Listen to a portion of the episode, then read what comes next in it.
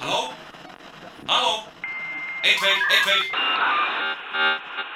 Þetta er vísindavarp ævars. Við byrjum núna.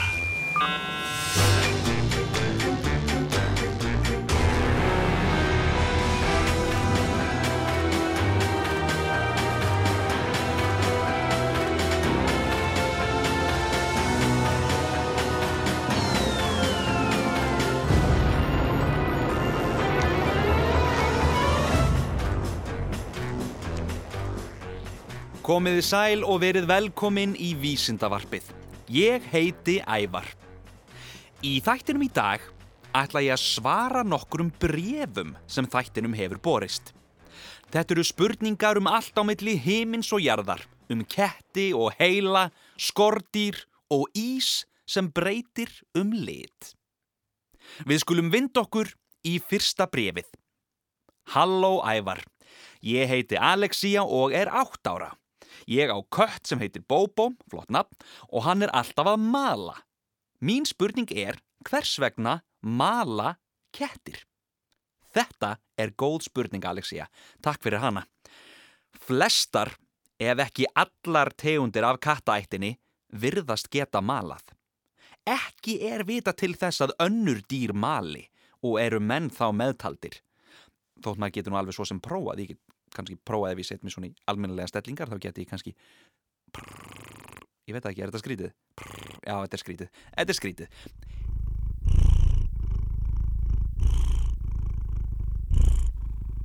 Heimiliskettir þeir mala samfelt það er að segja, það er ekki hægt að greina neina breytingu þegar dýrið andar að sér eða frá sér. Hið sama á við um gaupuna.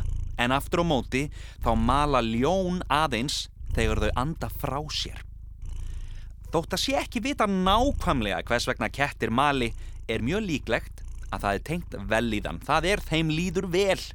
Það sem er hins vegar svakalega spennandi er að vísindamenn vita ekki enn hvernig kettir mala. Það er að segja hvað gerist í líkamannum á þeim þegar þeir mala. Þá eru sumir sem halda að kettirnir sé í raun og veru ekki að mala heldur er hljóðið sem þú heyrir í þeim þegar þeir kúra á bak við sófan þinn í raun og veru hljóðið í bor.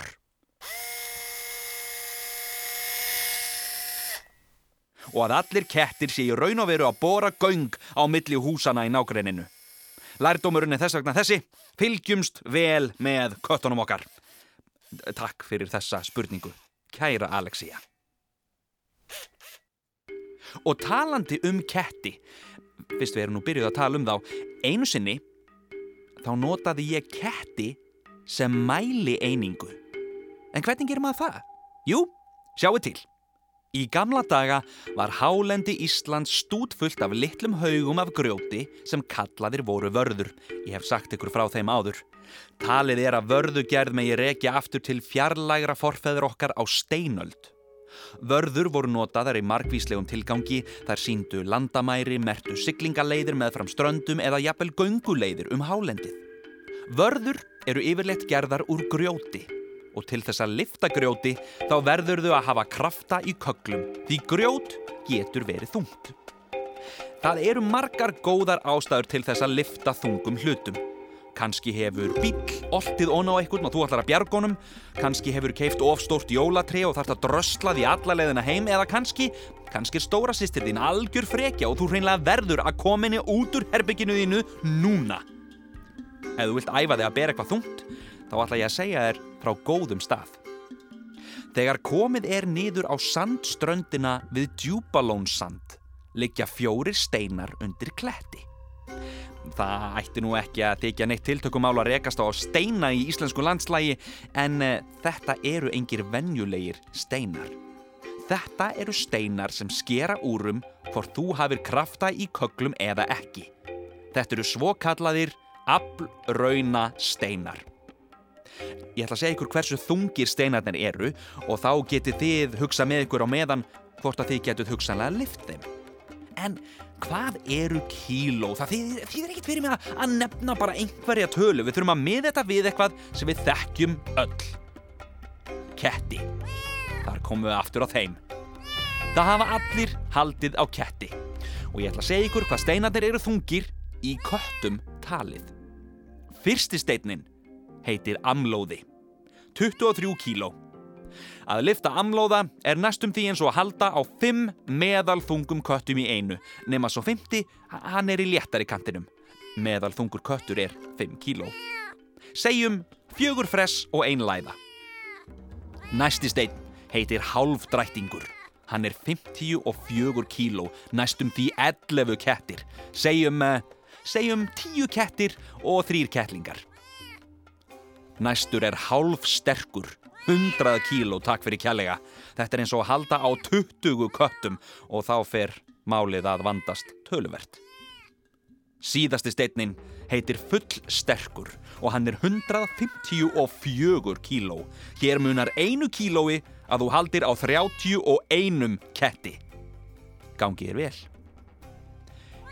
Hér á eftir, það er að segja núna, átt að koma upplýsingar um mannin eða konuna sem setti heimsmeiti því að halda á sem flestum köttum í einu. Um, ég leitaði heil lengi en fann það hverki. Það er líklega vegna þess að það er nánast ómögulegt að halda á fleirin tveimur fullvaksta köttum í einu án þess að þeir verði algjörlega vittlausir. Og þess vegna mæli ég með því að ef þið eigið ferð þarna framjá, ekkit vera að lifta köttum, farið bara beint í grjótið. Og muni líka að maður á sjálfsögðu alltaf, alltaf að vera góður við dýr.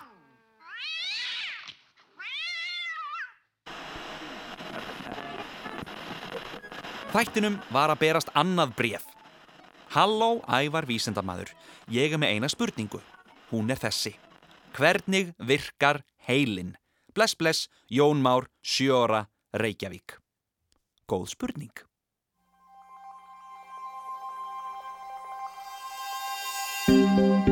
Heilin er afar flókið líffæri og í raun svo magnaður að vísendamenn skilja ekki ennþá hverna nákvæmlega virkar en við höfum þó einhverjar hugmyndir um það. Mannsheilanum er skipt í tvo hluta, kvelaheilan og litlaheila. Kvelaheilanum er skipt í hægra og vinstra heilakvel og hann er þannig uppbyggður að vinstri hluti heilans stjórnar hægri hluta líkamanns og öfugt. Vinstri helmingur heilans hefur meira með tal og ritmál að gera, rökhugsun og talnaleikni, en hægri hlutin tengist innsægi og ímyndunarafli. Littli heili er miðstöð upplýsinga um jafnvægi og stjórnar samhæfingu hreyfinga, kraftið þeirra og lengd í tíma. Þar eru geimtar upplýsingar um lærðar hreyfingar, eins og til dæmis hvernig á hjóla. Það ásamt eftir að rannsaka heilan mun betur og vonandi, þegar þið verðu öllorðin fullorðin og búin að eignast fjölskyldu og taka allt og mörg lán, að þá munum við vita eitthvað meira um hann. Þá er kannski hægt að svara spurningum eins og hvernig tilfinningar virka og hvers vegna við getum tjáð okkur með tungumálum en ekki önnur dýr. Það má því með sanni segja að heilin er lang mikilvægasta líffæri mannslíkamanns. Fyrir utan litla putta auðvitað, ég, veist, ég, ég veit ekki hvað ég myndi gera á hún litla putta. Þriðja brefið var að berast. Halló ævar, ég heiti Andri og er frá Akureyri eru til risaskortýr. Þetta er góð og uh, pínulítið ógeðslega spurning. Við skulum hleypa flugunum út. Skortýr eru heitlandi skeppnur. Það er erfitt að ímynda sér verur sem eru ólíkari okkur mannfólkinu en kungulær, flugur og margfætlur, ah, fjölmörg augu en fleiri fætur, vangir, skortýr Þau eru jafn heitlandi og þau eru mismunandi. Þó finnst mörgum þau vera alveg hreint ógeðsleg. Sumir mega varla vita af konguló í herbygginu að þess að tjúlast algjörlega úr hræðslu. Ég meina, það er samt ekkit eins og skortýrin hérna á Íslandi sé eitthvað hættuleg. Þau eru flest frekar lítil og saglýsisleg, ekki satt? Eða hvað? Eða hvað? Gæti verið að einhver staðar langt út í hinnum stóra heimi lúri risa kunguló sem hreinlega býður eftir því að ég eigi leið framhjá til þess eins að rýfa mig í sig. Eru einhver staðar til risa skortýr? Ég fór og kannaði málið og komst að þeirri niðurstöðu að sem betur fer verða skortýr ekki risavaksin.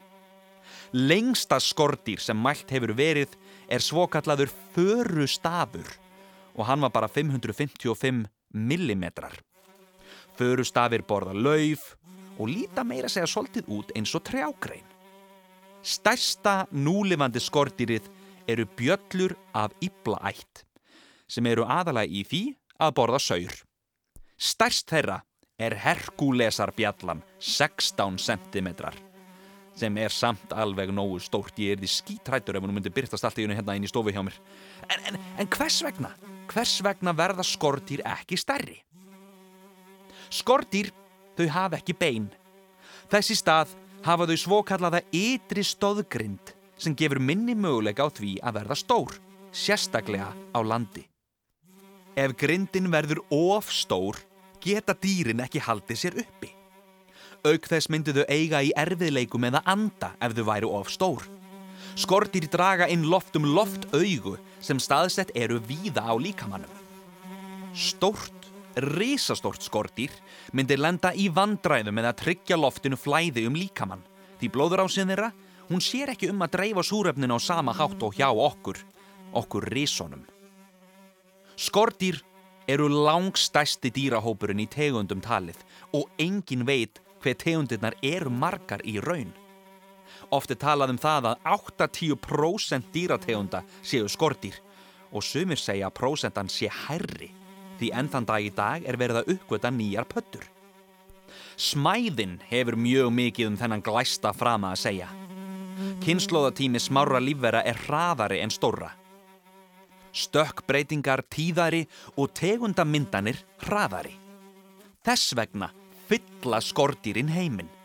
Smæðin og hröð tímgun gerir kvikindin einstaklega vel í stakk búin til að aðlagast hinn um fjölbreytilegustu aðstæðum og mæta allskins breytingum sem kunna verða á umhverfinu með stökkbreytingum sínum og myndun nýra tegunda. Þegar hortir yfir þróunasöguna má sjá hvernig stórvaksnar tegundir láti minnipokan en litlu greiin, þau eru hérna ennþá. Margur er knár, þóttan sé smár.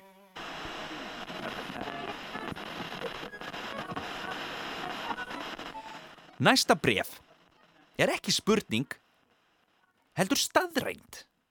Halló Ævar, ég heiti Eva og er 12 ára.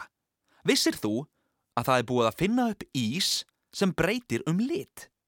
Og svo sendur mér tengil á heimasíðu með frekari upplýsingum um þetta gómsæta mál. Ég lagðist í mikla rannsóknarvinnu. Manuel Linares, sem er vísendamadur frá Spáni, hefur búið til ís sem breytir um lit. Uppskriftin er algjört leindarmál en nafnið á ísnum er Xamelion sem hljóma næstum eins og Kameleon sem er mitt skipta um lit nema það er X þetta í byrjun. Xamelion, það er svolítið erfitt að byrja þetta fram. Þeir sem hafa smakkað ísin segja að hann bragðist eins og gómsætt ávaxtablanda og Manuel segir að aðeins náttúruleg efni séu nótuði gerðans. Áður en ísin er settur í form er hann blár á litin. Því næst er honum rúlað upp í kúlu og sérstöku leini efni spreyjað yfir. Ég lofa þetta leini efni, þetta er ekki máling. Og þá verður hann dökk fjólublár á litin.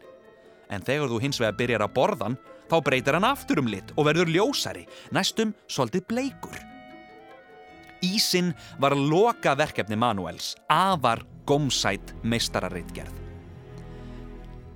Manuel er þessa dagana að vinna í tveimur nýjum ískerðum. Annars vegar ís sem bregst við út fjólubláu ljósi og má borða á skemmtistöðum og hins vegar ís sem skiptur um lit af sjálfu sér, breytist úr hvítum ís í bleikan. Vísindin eru svo sannarlega allstaðar. Enn eitt bref. Kæri ævar, er hægt að tala við dýr? Hveðja Emilia Ósk, 8 ára, hafnafyrði.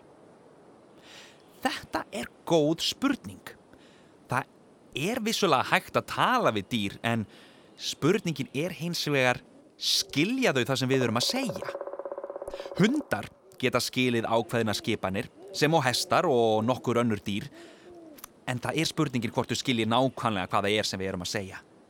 Í þjóðsögunum segir að kýr tali á þrettándanum en við tökum því með baulandi fyrirvara. Dýr tjási hins vegar sín á milli og skilja þá nákvæmlega hvað þau er að meina. En í staðis að nota tungumál eins og við mannfólkið þá nota þau látbragð, lykt og snertingu. Sum samskipti þeirra skiljum við, eins og vorin þegar fugglar reyna að lokka okkur frá hreyðurónum þeirra eða þegar köttur vil komast úta því hann er alveg í spreng. En margt er þó að huldu varðandi tjáskipti dýra þrátt fyrir ítarlega rannsóknir og það er alls ekkit víst að við munum nokkun tíman skilja til fullnustu tungumál dýrana. Það getur þó vel verið að í framtíðinni þrói stýr þannig að þau geti talað sín á milli en þá er ekkit endilega víst um að við munum skilja hvað þau er að segja.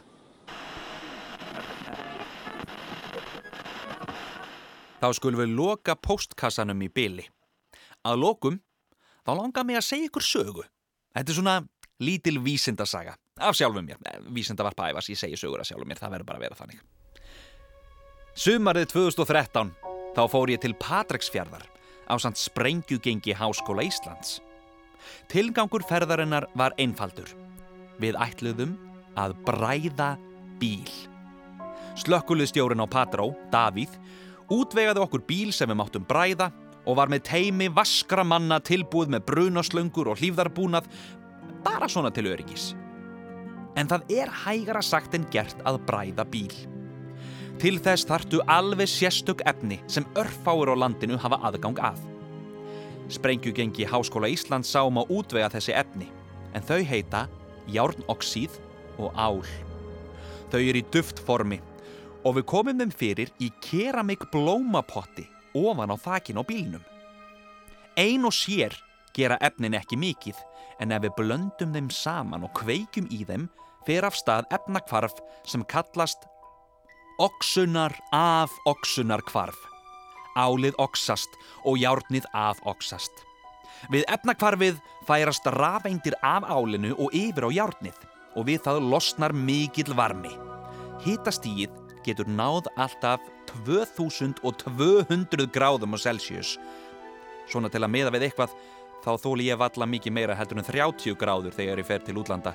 Það, það er eiginlega of heitt fyrir mig þannig að 2200 gráður, það er svakalega mikið. Efnin kvarfast ekki að sjálfu sér, við verðum að hjálpa þeim af stað. Og þess vegna stungum við þremur óskup venjulegum stjörnuljósum ofan í blómapottin og kveiktum í þeim. Í bíómyndunum þá er alltaf verið að sprengja bíla í loft upp og fólk verðist kipa sér óskaplega lítið upp við það. Liðið á kvítatjaldinu gengur hægt í burtu með bakið í sprenginguna. Nánast eins og þeim sé alveg sama um hvað sé að gerast. Þau eru svalar en svalt, ísköld og alveg með þetta.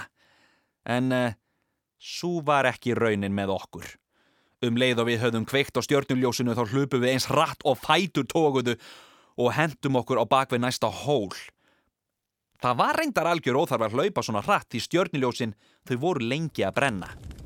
En um leið og logarnir snertu efnið fór allt af stað. Upp úr blómapottinum tók að spítast glóandi agnir, nánast eins og eldryggning. Áður en við vissum af stóð bílinn í ljósum logum og um leið og logarnir læstu sér í dekkin guppaði svartur reykur út úr eldinum sem virtist ætla að kaffara allt. Við stóðum agdofa og fylgdumst með. Ég sá hvernig logarnir sleiktu lakkið af bílnum og ég heyrði rúður springa. Eldur er svo sannarlega ekkert til þess að leika sig með. Eftir um fimm mínútur ákvað slökkviliðið að nú væri komið gott. Þeir voru með slöngutan sína tilbúnar og um leið og Davíð slökkvilistjóri gaf merki þá var sko skrúað frá. Þegar vatnið skall á bílnum myndaðist svo mikil gufa að bílinn kvarf í sjóðandi gufubað í langan tíma. Þegar reykurinn kvarf stóð ekkert eftir nema grindin úr bílnum, kolsvört og skaðbrend. Þættinum er lokið. Ég vil þakka Vísendavef Háskóla Íslands, vísendavefur.is og um leið minna á heimasíðu þáttarins rúf.is skástrygg ævar. Þar getið þið hlustað aftur á þennan þátt og hlaðið niður gömlum vísendavörpum og þannig hlustað á þau hvar og hvenar sem er. Þar getið þið líka sendt mér post.